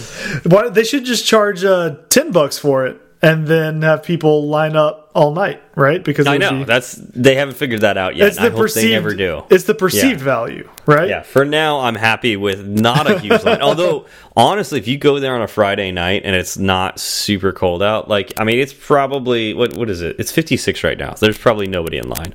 So, um you know, it's a Friday night, but I doubt it's it's that busy right now. But like spring nights when it's like nice and nice outside, that it would take you like an hour to get a taco at that one of these places. Whoa. It's crazy. Maybe maybe Venice needs seven of them. Maybe. yeah. if the I mean, demand if that- the demand is that high, I think the the demand is that high. Um, so, anyways, I walked by one of these, these joints on the way to Clutch. Can our uh, can our street gang name be the Midnight Street Tacos? Midnight Street Tacos. That see, that's another thing um, that needs to happen. It because they pack up after a certain time. But if there, I think there is a market for Midnight Street Tacos. Well, I mean, there there has to be. People are getting out of bars. They you Well, want see, that that's a that's a different taco vendor. Like, so Oh, when I think on. of like midnight street tacos, I mean, like th you know they're going to be there. It's not. it's not. No, no. It's like it's it's a known location. Like it's on Google Maps. Like the two that I know of right now that are probably illegally there, but they are in Google Maps and have reviews. Um, so it's like that. But they o they're open late, so it's like you know you can get a taco there. Mm-hmm. Um, there are uh, bar taco vendors, and you've probably seen these when you get out of the bar late at night. Yeah. um, they have the uh, bacon wrapped hot dogs and peppers. You know what I'm Yeah, talking about? yeah. Like, oh, oh, the smell. oh, You got to hit people So when they're the when at- when they're at their weakest, right? oh my god, yeah. It's it's it's so tempting. And you just know. I mean, it's it tastes good too, but like you just know it's like the worst thing. The lowest quality of Mm-hmm. uh, ingredients they could find. but it's good. And it's like five bucks, and it's like you know what? Yes, give me one of those bacon wrapped hot dogs. With, th yeah, throw some jalapeno and onions on there. Oh, Yet so good. another decision I will not regret in the morning. Nope, not at all. not at all. So, anyways, um, but yeah, that's a totally different. That's not street taco. That's street hot dog. So Okay, you Totally different. you just have an assortment of uh, uh, street foods yes, and classifications. yes. Okay, So I didn't go to either of those. I went, I went to Clutch. Right. I went to expensive Tex-Mex. Um, and uh, so I get there, and honestly, I'm expecting like my roommate, his girlfriend, and like a few other people. But they actually got like ten people there. I mean, it was like a lot of people. Um, I actually didn't know I had that many friends. I was about to say, were you surprised? Yes, I was very surprised. I never do anything for my birthday. You're like, oh, you Uh, like me too? Yeah, and, like we. I mean, this was so like I had no clue that this was even going to happen. We were going to record during this dinner, Right. And my roommate was like, "No, you should probably record early because Chappie wants to have dinner with us too." And he might have inter invited a few other people, so you can't, uh, you cannot do that. and I like, I recommended these places was like, you know, like a, a small booth or something like Right. that. I was like, yeah, we just, you know, let's go there. Like, we haven't been there in a while. And he's like, yeah, maybe we should go to someplace bigger. I'm like, I'm like suspicious, but I'm like, there's no way they're gonna get that many people. Yeah. wow. Yeah, Well, So look at you, was- Mr. Popular. I was friends. so popular. I no, honestly though, like I just never do anything for my birthday, and like that was just so cool seeing like these guys came all the way out from like Glendale to like see me, and it was Wait, cool. Like, you're it was worth really it though. Yeah, it was You're worth it. fun. It. was just really, really cool to see that you know everybody wanted to come out, and that was awesome. Uh, what I did I do? I didn't get the invite, so you didn't. my Uh, my absence is excused. yeah, I mean, you did get the invite. You just didn't make it in time. That's not true. I did not get an invite. That's I just told you there was Blame no Troy. invite. I was giving you credit, and you just did not. You just spat on that. No, Like, I'd, I'd rather blame Troy than out. take. I would rather blame Troy than take credit. Well, blame that's- Troy or Chappie, one one or the other. Can I'm I blame really sure who's both? in charge? Yes, Okay. absolutely. Um, the thing I did know about because I sent out the invites for was Saturday. We played Twilight Imperium. Uh, this is a game that I've told you about, um, which I don't know if we have enough podcast uh, recording time to talk about how much I love this game and all the stories I have with this game. Uh, but uh, we did play Twilight Imperium Fourth Edition. I have uh, Third Edition. I I cut my teeth, uh, my Twilight Imperium teeth with Third Edition. I probably put in uh, well over two dozen games. Uh, See, I, it's funny because that doesn't sound like a lot, right? But So I, this- I know this game's like a is. 12-hour board game. exactly right. Like I, I get that. I understand Yeah. that um, because of the discussions we've had in the past. But when you say like, man, I played it like two dozen times. Yeah. to think about that, yeah, it's like you you you a you cannot play this with two people technically. I will. s- I, I have to like put an asterisk on that because Jordan and I, Jordan, my old roommate, and I loved this game so much. We decided to try to play it with just two players by playing a four-player game. We would each play two factions on opposite sides of the board that were in a permanent alliance. that sounds exhausting. No, it was a blast. No, it sounds exhausting. It's definitely better with act four actual players, but uh, it's it, it was still fun. Yeah, um, we played this not only so we would not only would we like play this game like every weekend. Um, I had all the expansions for the third edition, so with like a five player game, um, the board is modular, so it's got these hex tiles, and then you you build out the board. Technically, it's part of the game, but we found that we would pick on somebody too much, so that we didn't allow that. We let it be. Uh, we tried to make it as amicable as possible while building the board, and then you could start in any one of the starting locations, and it was randomized. Um, so you just you didn't want a board that was biased towards uh, one player or the other Right. but we had enough of these tiles to build a board that you could build the board for a five player game and then put another set of tiles around the outside of the board uh, thus making a giant board. And uh, we had, even had a few more tiles left over so we had like a wormhole system off to the side that had like five or six of these tiles. Um, it was a kind of like it- that would make the game so much longer that honestly we'd play for like 12 to 15 hours and we would call it at like it was like a 10 you played at 10 points somebody might have like 4 points and they would be in the lead so we'd call it and give it to them Because you couldn't play for another 36 hours. Exactly. We did play one game where we played for 12 hours one day, left the board set up, went home, got some sleep, came back the next day, played for like another 10 or 12 hours. I think somebody, we, we eventually called it at the end of that game. I think that person had like eight points. Nice. Well, that's because y'all are uh, y'all are third edition heroes. You're not like those scrubs playing second edition. Don't even get me started on first edition. Man, I'd love to like play first edition and second edition to see what those were like because fourth edition is significantly different from third edition, and I am definitely biased because I honestly have not had as much fun playing the fourth edition as I've ever had playing the third edition, Is- and How many times have you played fourth edition? I think it's been like three or four times now. Is And it because you're used to the third edition rule set? that's part of it for sure like the third edition um there's i, I noticed it this time specifically because there was there are certain parts of my I, I did by the way for so this for my birthday game of twilight imperium i did the worst i have ever done in the history of playing twilight imperium i scored a total of zero points uh, Nice. Didn't even make it on the board. I didn't even make it on the board. And but the crazy thing was, I held Mecatol Rex, which is like uh, the central planet, which should be like the main reason you win the game. Usually, the person who controls Mecatol Rex for the entire game, or like most of the game, will win. I'm, I'm sure. I thought that was a character on Power Rangers. Uh, maybe, maybe. it's possible.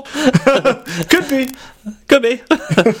um, but yeah, Mecatol Rex is like the the centerpiece. It's like the all, where all the political power comes from. It's like the main reason like you're playing the game is to like control Mecatol, and that's where all the Galactic Assembly takes place, and so on and so forth. And uh, in third edition, I mean, it is a big deal if you control Mecatol. In fourth edition, meh. It was actually probably the worst move I ever made. Was like taking Mecatol. I gave up so many other better, like more economic planets just to take Mecatol, and it turns out in the game the only way I could have scored points with Mecatol was by taking a particular strategy card. And I could have done that. It'd be very hard for me to monopolize that um, that card because if if I started doing well by doing that, like there the other players would have taken that away from me, and that happened for at least two of the turns. Mm -hmm. um, but it turns out like that would that would not have been nearly fast enough for me to do well in the game at all. Like I would have gotten two points when somebody scored ten. Yeah, like it was just like not gonna happen. Right. And so like and then all the other like means of scoring points were just like arbitrary. Like it didn't it, it, i don't know. They they just compared to like the third edition rules like it just it it kind of lacked character. But i think that's okay how long how long has fourth edition been out? Um oh geez uh couple of years now. I was about to say, were we podcasting when you bought it? Because I remember. Yeah. Okay. I think so. Do you think have they released expansions and whatnot? No, they haven't. Do you think so like, that keep, will help?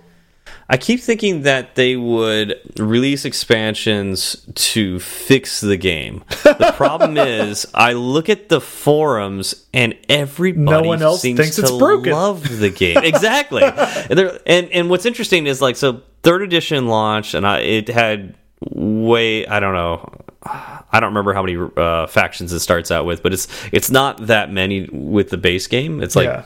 Eight, which is like a, I guess that's a decent amount, but it's like it's like eight factions. Right. Um, after all the expansions, you have like fourteen factions, fourteen right. or fifteen factions. So nearly doubles. Yeah, and then, uh, but Twilight Imperium Fourth Edition comes with all the factions. You have all fourteen from before, so it's uh. like are they non? That's fine. In fact, that's fantastic. That's great. I don't have to worry about. Yeah, you don't have to buy that. more yeah. product. Yeah, yeah, and they like simplified the rules uh, for certain things. They like smooth some things out.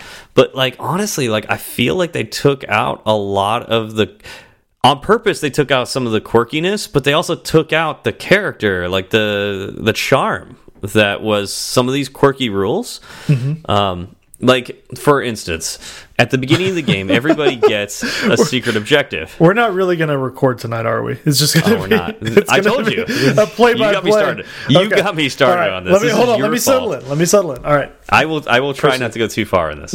Uh, but but i will do and someday i will do a, a, full like talk about how much i love this game uh, because this is the best game on the planet. Um, and this is why I'm kind of mad at the fourth edition because it, it doesn't do it justice. Um, so with the third edition, uh, everybody starts out the game with a secret objective. Same same thing with fourth edition. Everybody starts with the secret objective. In third edition, some of those secret objectives are nearly impossible to achieve. Mm -hmm. Like you have to base your entire game around achieving that secret objective uh, for some of them, which which it's, could just cost you the game, right? Yeah. yeah. and some of them are kind of easy. You're like, I just happen to get around like whatever I need to do to get that to achieve that secret objective. Um, also, the secret objectives, like half of them, have to do with taking Mecatol Rex so you're looking around the table. There's like six players. You're thinking at least three of these are going to be running to Mecatol Rex because if you don't get there first, you're probably not going to achieve that secret objective. Right. Like, because it's usually like get to Mecatol Rex, entrench yourself, and like build uh, planetary defense systems, or build all of your dreadnoughts or, and have them in orbit around Mecatol, like things like that. Like and you have to are you sure you're just not bitter about having Mecatol Rex on your birthday game a and then a little losing? bit, a little bit. Um, and so, uh, so, so that's another thing. It's like, so you, we actually house ruled it too because like at, at, first with with uh, if you're playing by the main rules of the game with uh, third edition you get one secret objective you look at it and that's it. Like you don't have a choice. Yeah. So we house rolled it where you get two of them. You can look at those two, choose one of the two, and give the other one back. I like that. Uh, and if you don't like either of them, you can say, "I'm not going to take either of these." Everybody who you know goes around and makes this choice, you shuffle all the cards again. You deal one card to that player, and that's the card they get. They don't get another choice. I like that. So it's like you kind of have three choices there, but one's like a wild card. Like you might get one of the two that you really didn't want. Right. But you have a chance but, to get something else as opposed correct. to just being handed that at the very beginning and getting stuck with it. Yeah. Fourth edition, the way here's the here's how it changed in fourth edition. Fourth edition, um, they actually took the house rule, which is kind of funny. The uh -huh. main you get two secret objectives. You look at both of them. You pick one and you put the the other back. You don't get the other thing where if you don't pick either, mm -hmm. you know, you get it back.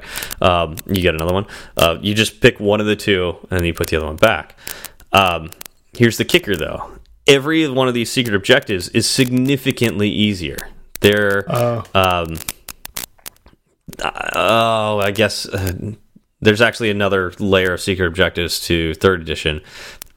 So you'll notice a, a, theme here. Third edition had more complex and weird rules. Third edition also had um, preliminary secret objectives that mm -hmm. were mm-hmm. worth less points, but they were easier to do. And technically, the way that works was you were given a preliminary secret objective. Once you achieve that, you got your real secret objective, and then you would go with that. The preliminary secret objective was worth one point. The real secret objective was worth two points. Mm -hmm. Okay. Yeah. Um, we house ruled that because we found that if you just got your uh, preliminary, by the time you got your real secret objective, you may have been playing the game for like doing completely the wrong things, and now you can't ever achieve. Like literally, you could never achieve your secret objective. So right. we we house ruled it where you first choose your preliminary in the same house rules that we did before, and then you got your primary secret objective from the get go, so you could start building your grand strategy from the beginning. Because we had the most fun with that, because mm -hmm. that's where the backstabbing occurred. Obviously. Um, yeah. So fourth edition gets rid of preliminary and primary secret objectives.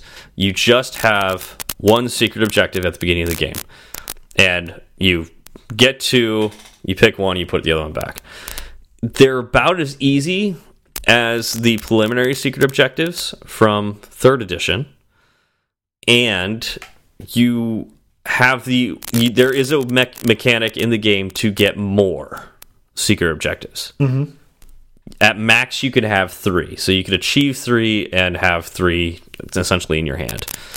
Um, so that's and and so it's like this where in third edition you had this like really difficult to achieve goal that honestly you didn't need to do to win the game but it's one of those things that nobody could tell you you could do. Like it, it could like boost you by two points. So it could like win you the game or get you a lot closer when nobody would know that you would do it. So and plus it felt so good to achieve some of those secret objectives that were really hard to do. Um, all that went away for fourth edition where Eh, you can get the same amount of points, but they're easier to do and they they're not that hard. You just kind of have to like make deals around the table or just get placed in a lucky location. And if you don't like the ones you got, just get more and discard the ones that you didn't like. it just, I don't know. Like it, it felt like there was very little consequence and like you should just be scoring every turn. Right. And that was not a theme in the old one. It was like points were rare and you had to really work for them and you actually had to plan for them and like I said backstab to achieve some of these things. And, yeah. Do you think you'll know. you'll get used to it with the more you play? I I thought I thought I would. I thought I would. This is why we played it again uh, with fourth edition, yeah. and I added some mechanics from third edition uh, that I really liked. That I thought maybe was this is why I didn't like fourth edition. Uh, in third edition, they also had uh, they called it distant suns, but it was these little tokens that you would put on every planet, and so uh, when you would land on the planet to take the planet, like on empty planets, the empty planets that were on the, the game board to begin with, when you would land on a planet, uh, you'd flip the token over and it had like a 50 50 shot. Like it was 50% good, 50% bad. okay. Right. And some of them really bad, and some of them really good. Mm -hmm. um, and so, like, there was some like mystery to exploring you know, right. it was truly exploring. Like you, you, there was risk involved.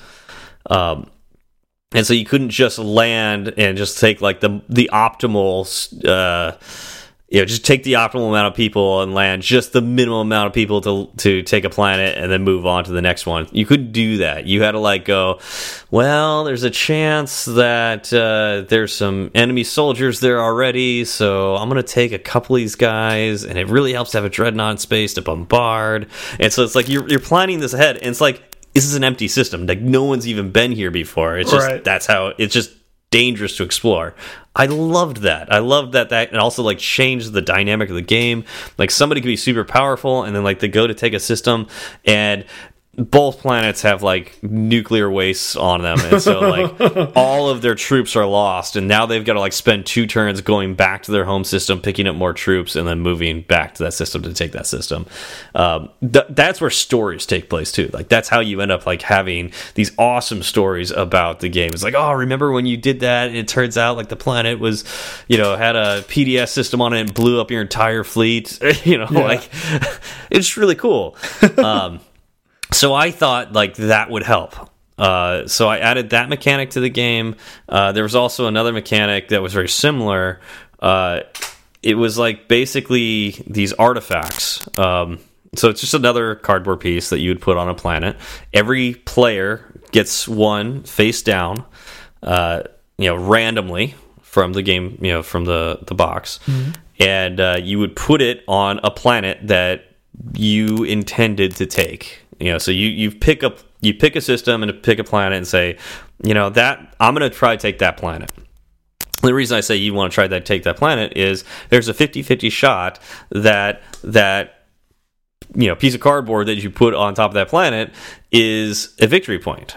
Oh, You're you're playing to 10 victory points, so that's a tenth of the game right there. yeah.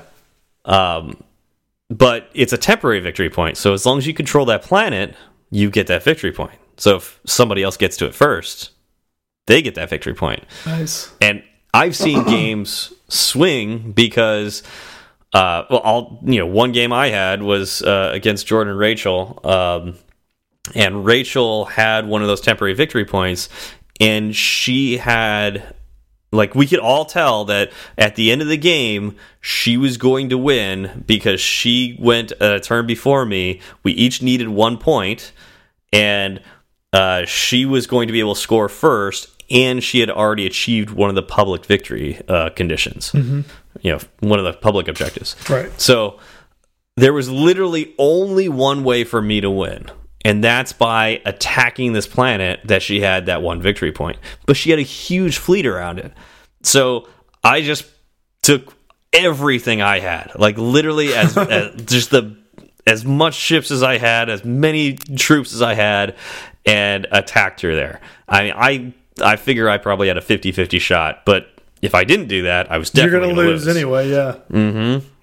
so I took everything and, and threw it at her, and I pulled out that victory just just barely. I mean, she was going to win, like, and I stole the victory from her because of that planet, and it was awesome. We talk about it to this day, um, and so I added that to this game. Uh, thinking that that's going to help add some of that. It also gives you a reason to fight each other because that's another thing that happens in Twilight Imperium. Is it, typically people will build these huge, huge fleets and then just like post in a system like to uh, to intimidate other players and whatnot, but not actually fight because you know it's you, You- lose your fleet, Yeah, you somebody really else comes want in. to. Yeah. Exactly. Uh, but this gives a reason, like an actual tangible reason to attack somebody. Um, and not just Mecatol, which used to be the only thing people would fight over. so do you? uh Why don't you take uh, an, an agile philosophy with it? Do you, after the game you talk about what worked, what did. didn't work? We did. Uh, okay, and then roll it into your next game. So I think what we're going to do, just because it's been so long since I played third edition. Um, by the way, um, three out of the five people that played on Saturday, this, it was their first time playing. Were they prepared? Uh, nobody's prepared. Nobody's pre nobody's you, prepared. you do your best to prepare them, but nobody's truly prepared uh, going into this game. But they all want to play again because it's Twilight Imperium, and everybody I've introduced to Twilight Imperium, except for that one girl, uh, except for her, she did. She never wanted to come back again.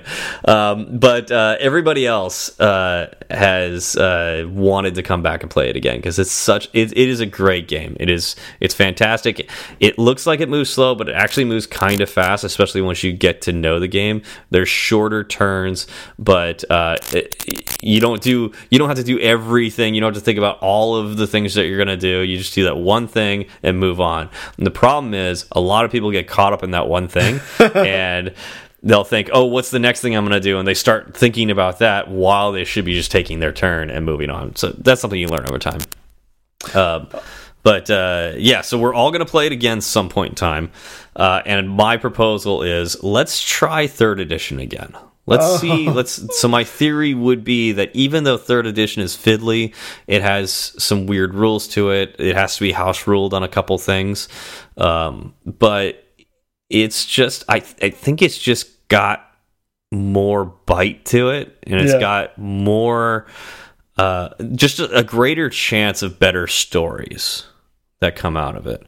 Whereas like fourth edition is just like, oh, you got lucky or you just played better Whereas like third edition is like, remember when that thing happened, and it was just like we thought you were completely out. Uh, you know, I think about the time that uh, we had this guy that was a political science major. He had never played board games with us before, but we told him about Twilight Imperium and how it was like very political, and you had to like, you know, there's all this politics involved. And he's like, he was a senator for uh, the school and all that. And he's like, yeah, I definitely want to play that. And he played the political game to a T, and he was dominating. He was destroying us. So Jordan and I uh looked at we were across the table from each other so like we weren't next to each other so we didn't really have an alliance but we decided to form an alliance because nobody else wanted like recognized that this guy was just going to destroy us so so I took my fleet into Mecatol and knocked him off of Mecatol, and Jordan took his fleet into this guy's home system and took out, took out his home worlds, and like we just sat on these two places. So this guy was essentially knocked out of the game. Like he had never played a board game with us, and we knocked him out of the game because he was doing so well. of course, that like, got. huh? It sounded like he was uh, well equipped to handle it, though. Oh yeah, because this was a six-player game, and all four other players, well, the other three players, decided to because this guy was making deals with everybody and he didn't mess with them. Um, actually he was very peaceful. You know that was the problem. Like right. and so jordan and i were the aggressors. Uh, we just recognized that he was going to win the game. Uh, and so they all ganged up as, against me and jordan and we could not hold. And eventually he even cut a deal with jordan to get his home systems back and the dude won the game. Nice. Did you ever invite him back yeah, but uh, we never got to play with him again, unfortunately. Oh, he but was we really wanted to. He took he took his W and he took home. his victory. Yep. But man, that's that was one of the best games I've ever played because I mean, just to see like somebody get completely knocked out of the game. He he just had a few just rogue planets and like one or two units, like just nothing. He had nothing, and he came back and he won the game. Yeah, it was crazy. Sounds like a good time. So, was that that was your birthday weekend, huh? Street tacos and Mecatol Rex. Yep, yeah, uh, Twilight Imperium on Saturday. Uh, the Titans won for me. That was a, a, big deal. Yeah, they beat the Patriots. That was wonderful. Uh, the Texans did not. Uh, you know, uh, give me my birthday wish and give a, a win to the Bills. Uh, probably because I rooted against them when I was in Houston and was rooting for the Titans, so they ignored me. Yep. Um, but that's okay. Uh, somebody will take them down. Uh, uh, probably. yeah. Although I don't think the Titans are going to win tomorrow. Um, so that was that was a great birthday gift. Also on Saturday, Titans uh, continuing in the playoffs and taking out the Patriots. Uh, and then Sunday, I just played uh, board games with uh, Troy and Margie. We uh, we played Spirit Island and uh, Sherlock Holmes Consulting Detective. It was fun. Nice. Sounds like a good time. Yeah. So it's good birthday weekend. Yep. It was really good birthday weekend. Happy happy late birthday. Yeah. Thank you. Ding. That's for that's for Mr. McSwift face.